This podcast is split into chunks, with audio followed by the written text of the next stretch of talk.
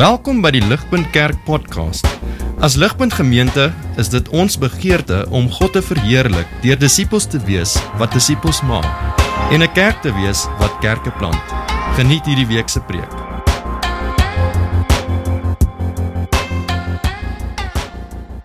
En dis lekker om deel te wees van 'n gemeenskap waar ons almal kan ja sê uh, tot die grootmaak van ons kinders en die vrees van die Here. Met die vrees van die Here bedoel ek 'n goeie ding. Uh ouens, julle sal hoor soos ons vanoggend aangaan met ons dinge hier. Daar's 'n bietjie krapperigheid in my stem. Dis sommer maar net man flu. En dit gebeur as jy drie seuns probeer grootmaak.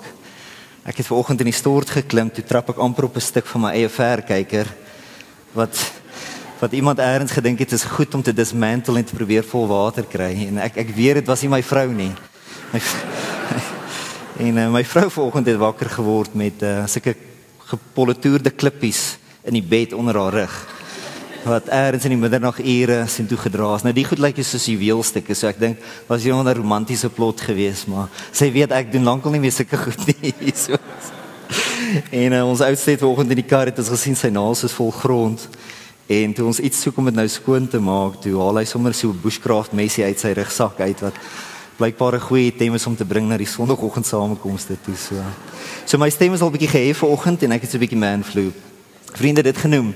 Ehm um, ons is uh, besig met 'n reeks uit 2 Petrus in die Bybel soos wat die wet vroeër genoem het en dis getiteld standvaste geloof.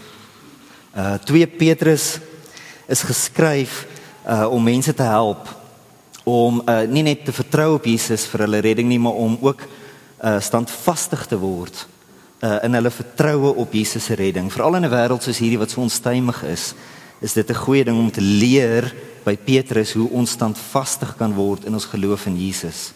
Nou verlede week het Elof uh, wat vanoggend die doop hier voorbehartig het, ons geleer dat vertroue in Jesus se redding vrugte begin wys. Met ander woorde, uh, ons moet iets kan sien en ons moet iets kan proe van Jesus se reddingswerk in ons lewens. Uh, om te weet of ons regtig vertrou op hom. Want vertroue op Jesus wys iets en dit proe na iets. En so jy moet die vertroue meet aan iets wat konkreet is. Met ander woorde, wanneer ons uh iets sien en ons iets proe van sy reddingswerk in ons lewens, dan weet ons ook dat ons werklik vertrou op hom. Ons kan ons eie woorde glo. En dit maak ons standvastig in ons geloof. En dis een van die doelwitte van Petrus se brief. Maar julle meer as dit is nodig om standvastig te, te te word in ons geloof. En dit is waar vanoggend se gedeelte gaan. Uh hier in 2 Petrus 1:16 tot 21. Dit gaan oor daardie iets meer wat nodig is om ons standvastig te maak. Nou julle voordat ons daarna kyk, uh wil ek net eers so 'n bietjie terugtreë weer na um verlede week se gedeelte toe en ook na ietsie bietjie meer persoonlik uit my eie lewe wat ons sal help om net na vandag se stuk toe te kom met so 'n bietjie konteks en so 'n bietjie van 'n oploop. So, ehm um, ek was onlangs in konflik gewees met uh, iemand in my familie. Ehm um, hy het oor homself, hy het homself vererg. Uh, kom ons begin maar met hom. hy het homself vererg en uh toe vererg ek natuurlik vir my en uh hy het aangeval, toe ek aangeval. Uh, hy het homself regverdig en toe ek myself regverdig en hy het blameer en toe het ek blameer. Uh, ek dink ons is almal vertroud met hierdie sport, one man upmanship. Daai tipe sport. Ons is gebore met die reëls. Jy blameer, kom ek wys jou hoe blameer ek. Jy val aan, kom ek wys jou hoe val ek aan. Iemand moet wen. So na die tyd natuurlik het ek skaam begin kry uh en verredes julle wat uitkom in die gedeelte van 2 Petrus 1 wat Elof verlede week uh met ons behandel het. So kyk bietjie saam met my 2 Petrus 1 vers 8 tot 9. Hier is hier redes hoekom ek skaam gekry na die tyd. Ehm um, dit sê maak seker dat jy nie nutteloos en sonder vrug is wat jy kennis van ons Here Jesus Christus betref nie. Want die een by wie hierdie dinge ontbreek is blind en kortsigtig en het vergeet dat hy van sy vorige sondes gereinig is. So julle hierdie woord het my nogal goed beskryf in die konflik uh met die ander persone in my familie. Want ek was blind en ek was kortsigtig en ek het die kennis van Jesus vergeet. Sien hoe maklik gebeur dit. En ek was natuurlik nie in die oomblik daarvan bewus nie. Ek wou myself regverdig. Ek wou reg wees en ek wou eintlik al die blame by die ander persoon uh, in my familie plaas. Maar vriende, dis hierso waar 'n mens moet stop en vra, wat doen die kennis van Jesus in so 'n situasie met 'n mens? Maar wat ek na die tyd in my skaam kry weer moes besef en weer onthou soos ek daai woorde onthou het van verse 8 en 9 is dit. Kennis van Jesus leer my dat my lewe in sy omtrek so verkeerd was dat God se seun Jesus aarde toe moes kom uh om 'n volmaakte lewe te kom lewe. En by tye moes hy bloed sweet om daai lewe te lewe. 'n volmaakte lewe te kom lewe wat ek nie kon lewe nie en dit dan vir my te gee om my lewe voor God te regverdig terwyl hy my verkeerde lewe vat en in ruil daarvoor en daarvoor gaan sterf teen die kruis sodat ek vergewe kan word. So ek tree in hierdie konfliksituasie in soos iemand waarvoor iemand anders moes sterf en lewe om daar te kan staan. En dis wat ek vergeet het. Deur Jesus se lewe namens my is ek regverdig. En deur Jesus se dood namens my is ek vergewe. Nou julle daardie kennis, daardie wete, soos wat dit met my gewerk het na hierdie hele konflik met my familie. Dit bring 'n gesonde gebrokenheid by 'n mens. Dit besny 'n mens. Dit bring 'n gebrokenheid wat gesond is. Om ten minste te begin vra of jy nie dalk meer verkeerd as reg is in enige konfliksituasie nie. Maar daardie wete bring ook uh, 'n uh, gesonde vrymoedigheid om die vraag te kan vra sonder om veroordeel te voel onder die vraag.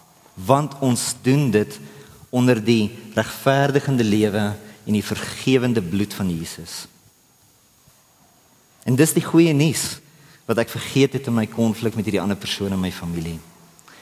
So toe ek hierdie dinge weer begin onthou, toe moet ek nog 'n treukie teruggee na 2 Petrus 1 vers 5 tot 7 toe. Om myself te herinner hoe dit prakties dan lyk, hoe dit prakties proe om in Jesus te vertrou want ek wou weet hoe ek hierdie konflik met die ander persone in my familie kon verbeter, kon regstel sodat ietsie meer van Jesus na vore kom in dit en ietsie minder van my sigbaar bly in die ding. So ek lees vir ons daai verse vers 5 tot 7 wat ons verlede week ook behandel het. 2 Petrus 1 verse 5 tot 7. Dit sê lê juis daarom alle ywer aan die dag om by julle geloof deeg te voeg, by deeg insig, by insig selfbeheersing by selfbeheersing volharding, by volharding Godvreesendheid, by Godvreesendheid broederlike liefde en by broederlike liefde liefde vir alle mense. Dis die dis die eienskappe van geloof in Jesus uitlewe wat Petrus vir ons gee. So lê jy's daarom alle ywer aan die dag om by julle geloof deeg te voeg. Nou my geloof het my gehelp om te vra waar ek verkeerd was teenoor die ander persoon in my familie.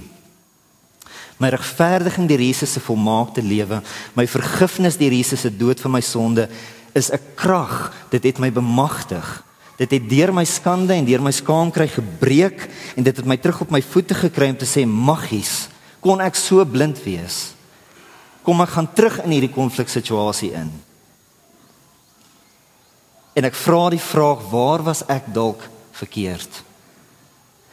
En so die deeg wat ek by my geloof moes voeg, was nou redelik voor die hand liggend. Ek moes uitreik na hierdie ander persoon in my familie toe en ek moes my verkeerde optrede aan hom erken en ek moes sy vergifnis vra. Die insig wat ek by die deeg moes voeg was om in my uitreik na hierdie persoon toe seker te maak dat ek my oog op die balk in my eie oog het en nie al die klein splinters in sy oog nie. Die selfbeheersing wat ek by die insig moes voeg was om die impuls te weerstaan om van hierdie balk in my oog so te hardloop oor om en so te spring na die splinters in sy oog toe asof dit die eintlike doel van my terugkom in hierdie konflik is. Ek moes daai impuls weerstaan want dis wat 'n mens wil doen. En die volharding wat ek by die selfbeheersing moes voeg was om daardie impuls te bly weerstaan soos wat dit elke oomblik aanhoudend in my opgevlam het.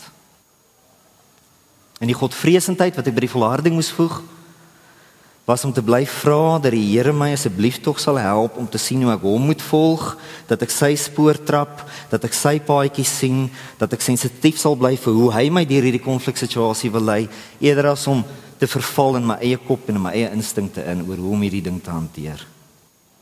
Die broederliefde wat ek vir die Godvreesendheid moes voeg, was om die ander persone in my familie ehm um, nie net te vra om my te vergewe nie, maar om ook verder te gaan en 'n uitnodiging te rig en te sê luister, wil jy nie by kom kuier by my nie? Of kan ek nie kom kuier by jou nie? Kan ons nie die verhouding verbeter nie?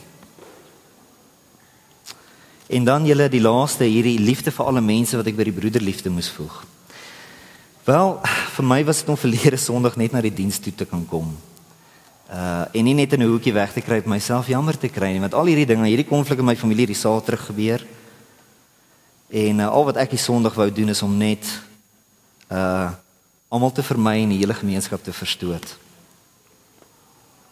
Petrus se woorde het my bemagtig om te kom na die diens toe myself uit myself te probeer tree te probeer belangstel in die mense om my So toe ek hier aanstap en ek sien al die mense, toe was daar so 'n oomblik van hier gaan ons.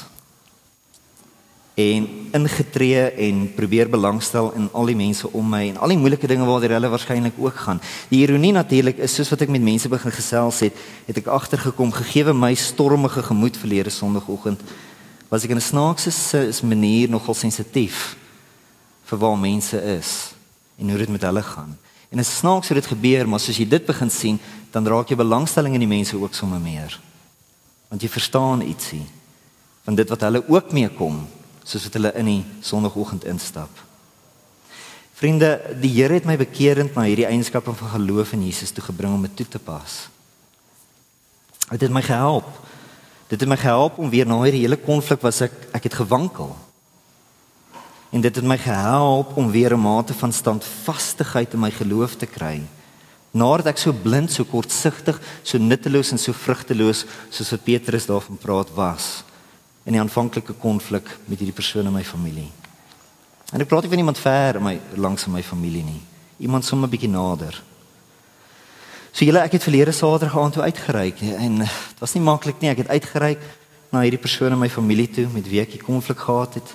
Hy wou nie my oproep neem nie. Ehm um, so ek moes die boodskappe los. 'n Boodskap is altyd moeilik. Ehm um, ek het die boodskappe toe gestuur om my verkeerde optrede te erken, vergifnis te vra en vir geleentheid om ons verhouding te verbeter. En ek moes baie versigtig wees uh om nie oor te kom asof ek eintlik deur dit als die een wil wees wat beter lyk nie. Jy weet hoe 'n mens dit ook kan regkry. Jy probeer 'n ding doen wat jy dink is reg en dan lyk dan lyk dit vir die ander persoon net asof jy probeer beter wees of iets. So ek moet baie versigtig die dinge verwoord want dit is nou 'n sensitiewe ding. Uh, ek moet versigtig wees, ek moet waak teen om nie enigiets te probeer regverdig nie. Ek moet versigtig wees waak teen om nie enige blame te probeer plaas nie.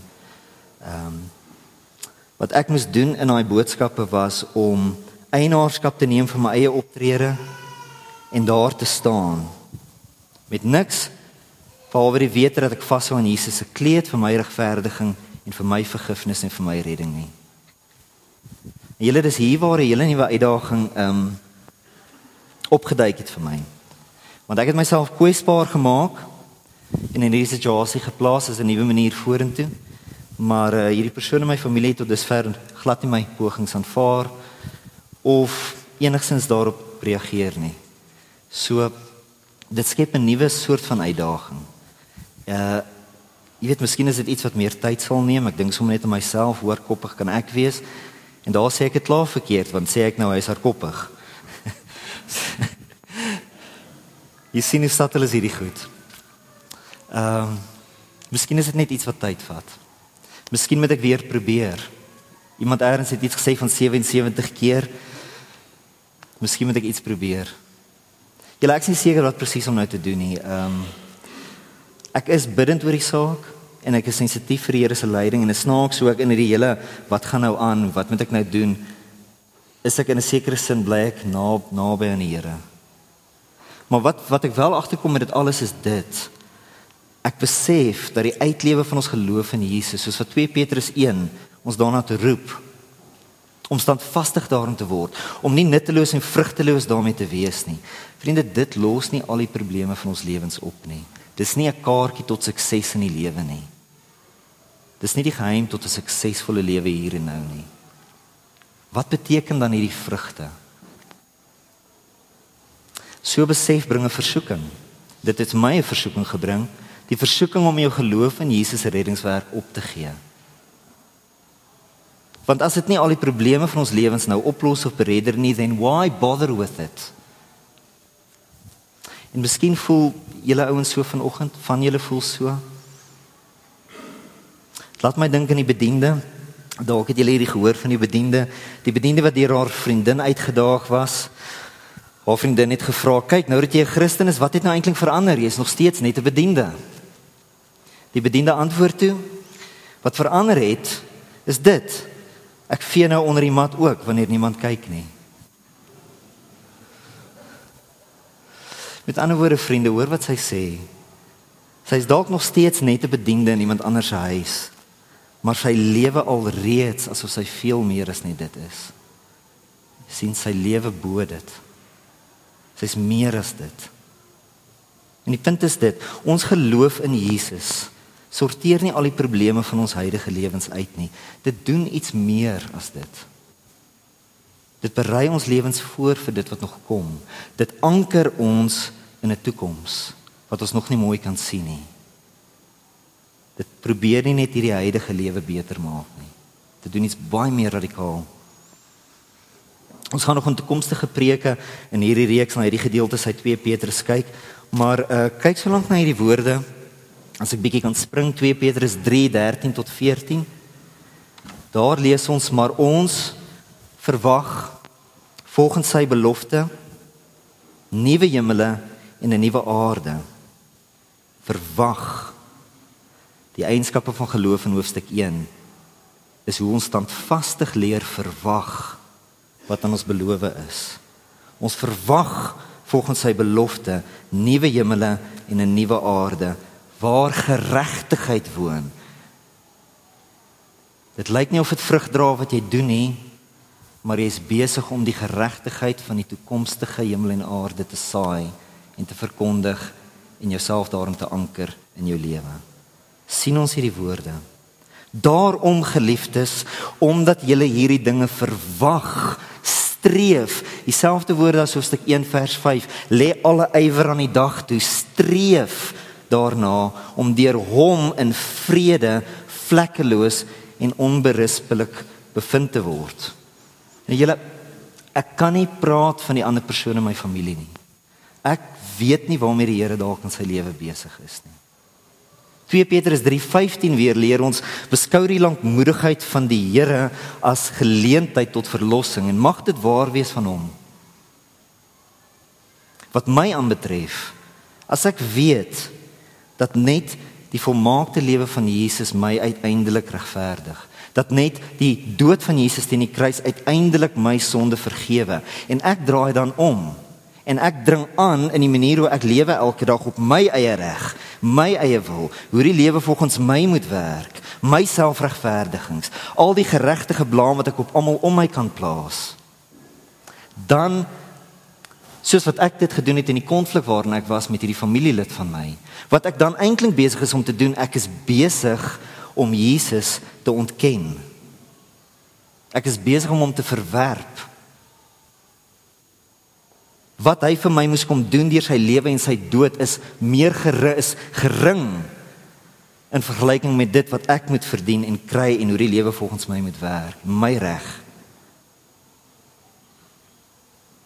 As ek wil volhard in so 'n manier van lewe dan sal ek nie staande bly met die aanbreek van die nuwe hemel en aarde nie waar God se geregtigheid woon nie Want as ek want wat ek ook al bely oor Jesus hier op 'n Sondag, my daaglikse optrede veral in konflik met ander ontbloot ontbloot eintlik dat ek dring aan op my reg, my selfregverdigings en my blaam teenoor ander.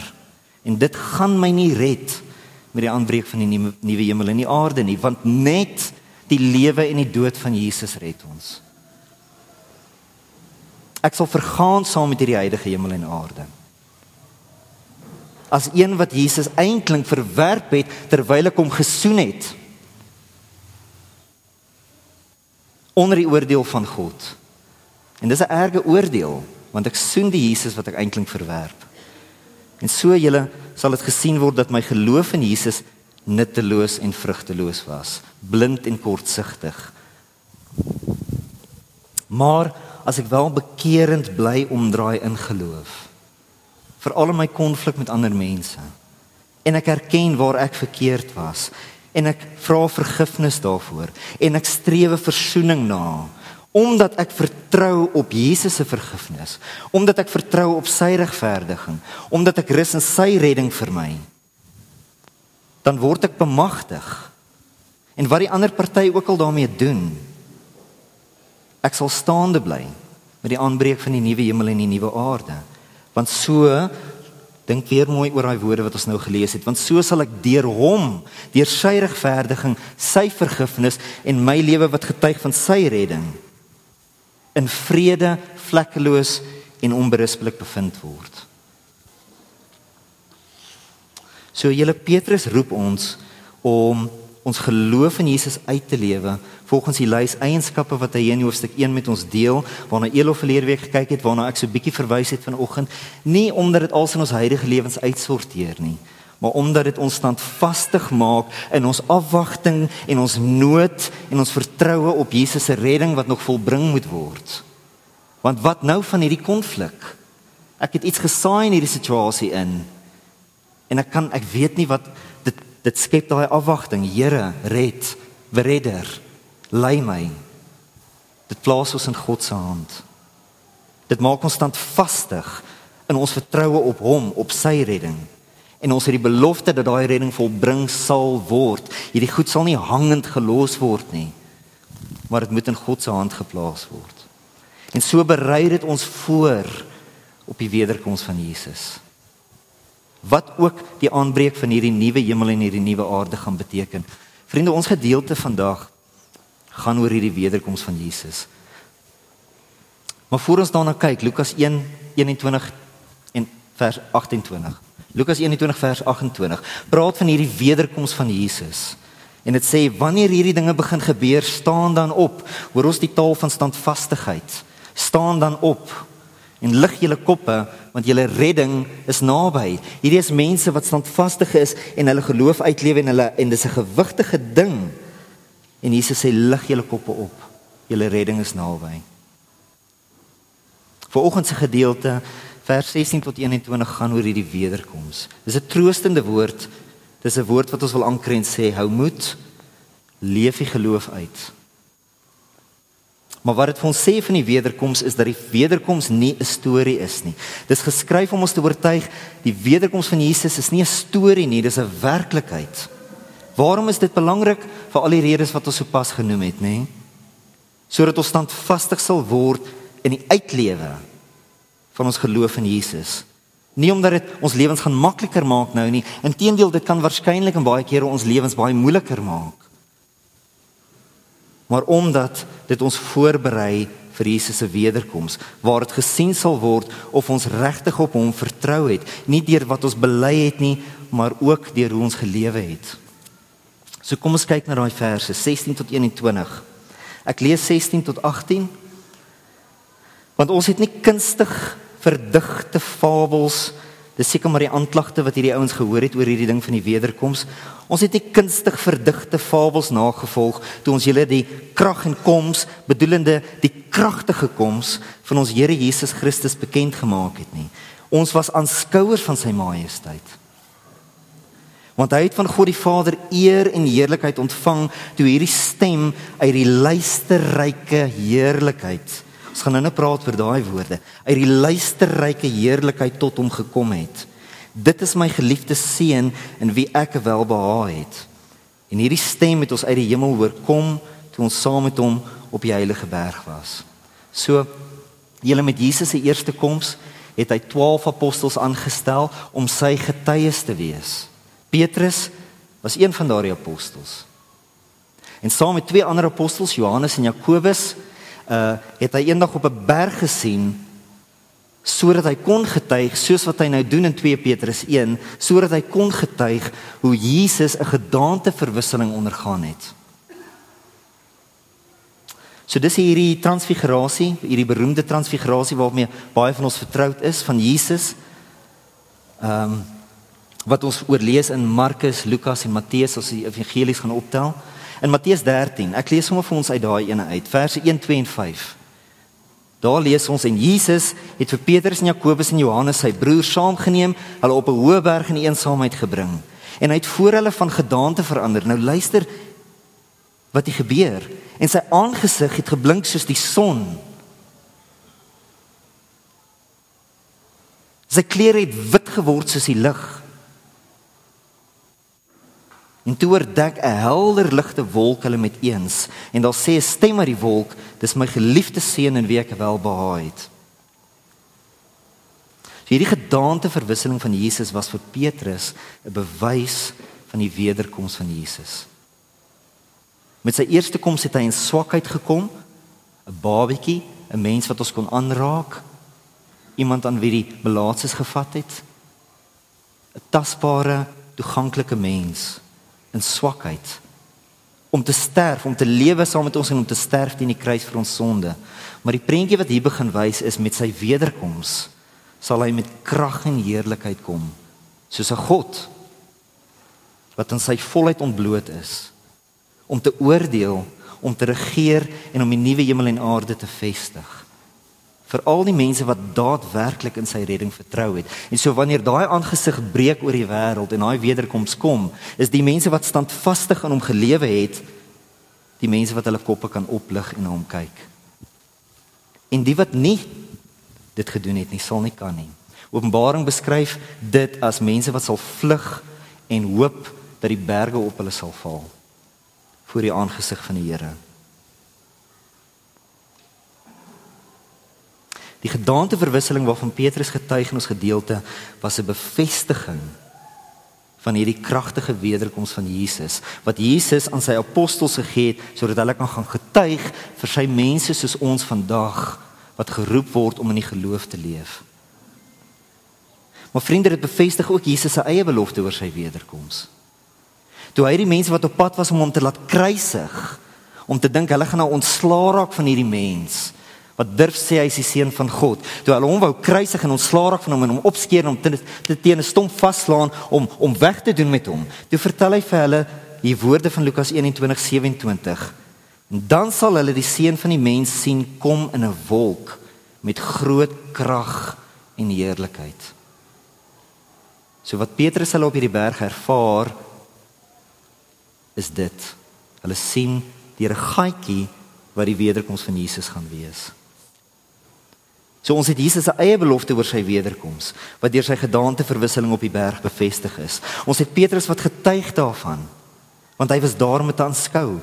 Maar julle dan saam met dit als het ons ook Petrus se getuienis van God die Vader se stem.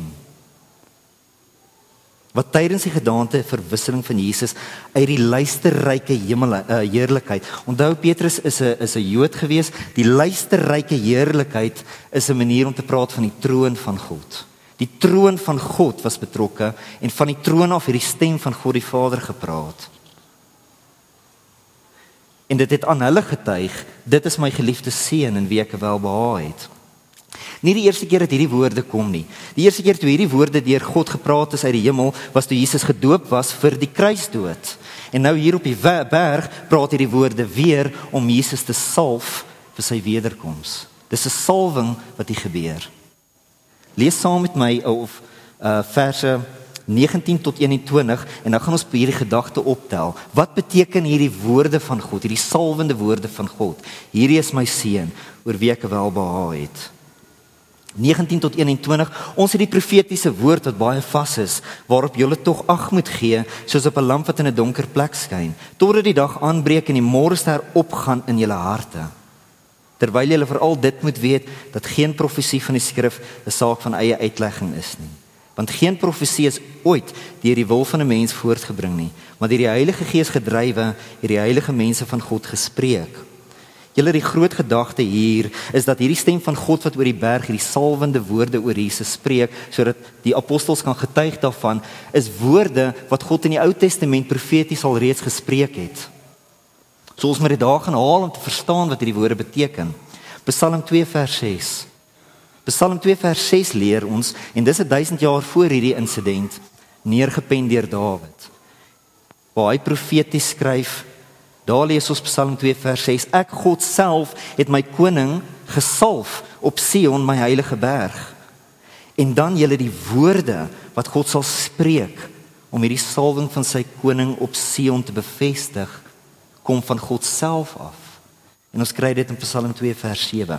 God self salf hierdie koning. Dit sê die Here het vir my gesê, jy is my seun.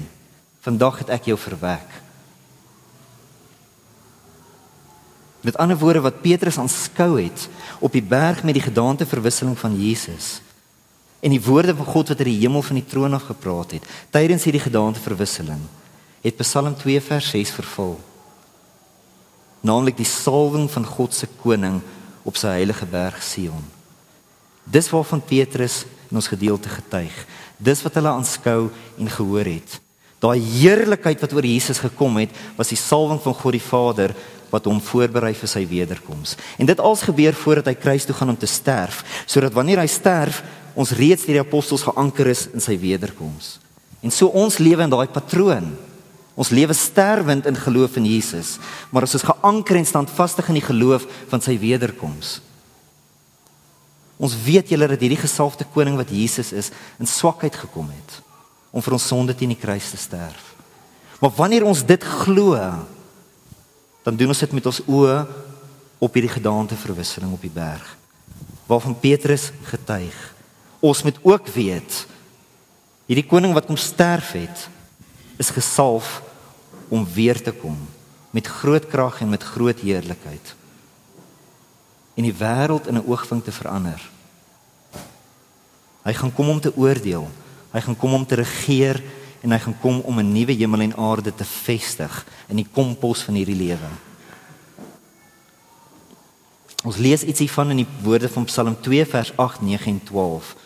Dit stel dit nogal baie, hoe kan ek ou sê in Engels regal. Dit stel dit baie koninklik daarso. Dit sê vra dit van my, dis die Vader wat met die seun wat hy sopas gesalf het praat. Vra dit van my, want nou het jy die reg hiertoe want ek het jou gesalf tot dit. Vra dit van my en ek sal volke gee as jou erfdeel die uithoeke van die aarde as jou eiendom. Die uithoeke van die aarde as jou eiendom. Jy sal hulle verpletter met 'n eysterscepter, soos erdewerk sal jy hulle stukkend slaan. Maar gelukkig is almal wat by hom skuil. So Avia Tozer het geskryf, um the scriptures teach that Christ came and he will come for two events. The first was to die the second is to reign. Eenvoudig, eenvoudige woorde. En hier in Psalm 2, 8, 9 en 12 sien ons iets van hierdie tweede koms. Waarvan Jesus reeds gesalf, waarvoor hy reeds gesalf was met hierdie gedaante verwisseling op die berg. Nou vriende 2 Petrus 1 roep ons tot 'n standvaste geloof in die wederkoms van Jesus. As ons nie standvastig in dit leef nie, dan gaan dit nie meer sin maak om dit uit te lewe nie. Want die uitlewe van ons geloof in Jesus bring lyding, swaar kry, afwagting, uh dinge wat nie bymekaar kom nie. Dit maak sulke goed oop in ons lewens. Dit trek nie alles bymekaar nie. Dit skep oop wonde. Dit los ons in 'n sekere sin in 'n penarie. So 2 Petrus 1 roep ons om tot 'n standvaste geloof in die wederkoms van Jesus te kom. Bedoelende julle, ons begin nou al reeds lewe soos mense wat aan Jesus se koninkryk behoort. 'n Koninkryk wat nog volbring moet word. Ons is in 'n sekere sin time travelers. Ons lewe in die hede soos mense wat uit die toekoms uitkom. Die uitlewe van die eienskappe van geloof in Jesus wat ons na gekyk het vroeër vanoggend, waarna Elof verlede week gekyk het. Hierdie eienskappe is klein liggies uit die toekoms uit wat in hierdie wêreld inspoel deur ons lewens. Dis die eienskappe van die wêreld wat kom. Dis die eienskappe van die koninkryk van Christus. En ons word die lensies waardeur daardie wêreld verkondig word aan hierdie wêreld. Ons lewens getuig van 'n toekoms. Julle dit los nie als in ons huidige lewens op nie. Dis nie hoofsaaklik daarvoor bedoel nie. God wil nie hê ons moet al sê wat ons nodig het om nou goed te lewe nie. Want hy het 'n baie beter en groter doel voor oë met die wêreld. Wat dit doen is dit maak ons standvastig in wat kom. Dit berei ons voor op die wederkoms van Jesus. Sodat dit op daardie dag gesien sal word dat ons nie blind, kortsigtig, nutteloos en vrugteloos was met ons kennis van Jesus nie. Maar eerder dat ons hierdie eienskappe begin wys het wat wys dat ons aktiewe deelnemers van sy koninkryk was op aarde. Julle ek weet nie wat God gaan doen met hierdie uitleef van ons geloof in Jesus nie. Ek het 'n prentjie gehad dit gaan hierdie versoening bring tussen my en my familielid. Miskien doen dit nog, maar ek weet nie eintlik nie. Al wat ek kan doen is sê Here, dis jou koninkryk wat skyn deur ons lewens. Laat dit geld. En dankie dat ek weet dis geanker en dit kan nie teleurstel nie, want met die wederkoms van Jesus sal dit opgehef word en al die vrugte daarvan sal wys. En so Kyk hoe stel Petrus dit en hiermee sluit ek af julle in ons gedeelte van vanoggend. Vra Petrus dat ons ag moet gee hierop.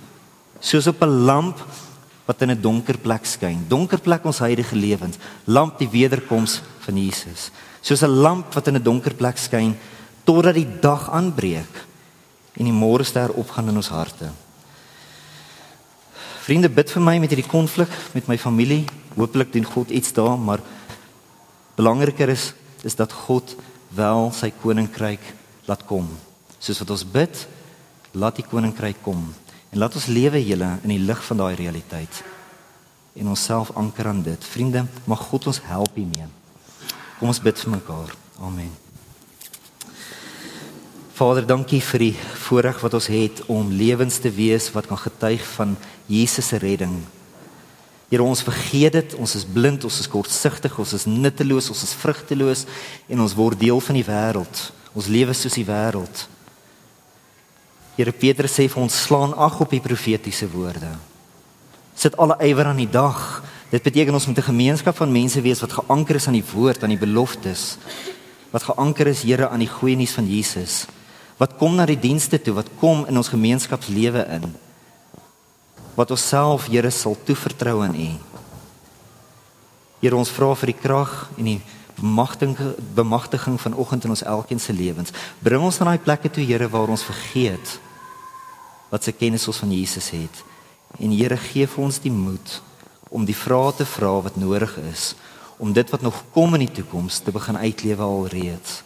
Wetende Here dat ons nie naïef moet wees en dink daardeur verdien ons 'n goeie lewe nie want u belofte is daardeur Here gaan ons 'n ewige volmaakte lewe ehm um, beerwe.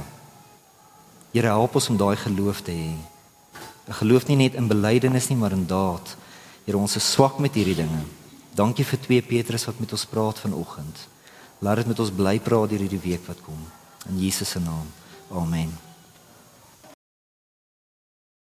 Vir meer inligting oor Ligpunt Kerk, besoek gerus ons webwerf op www.ligpunt.com of kontak ons gerus by info@ligpunt.com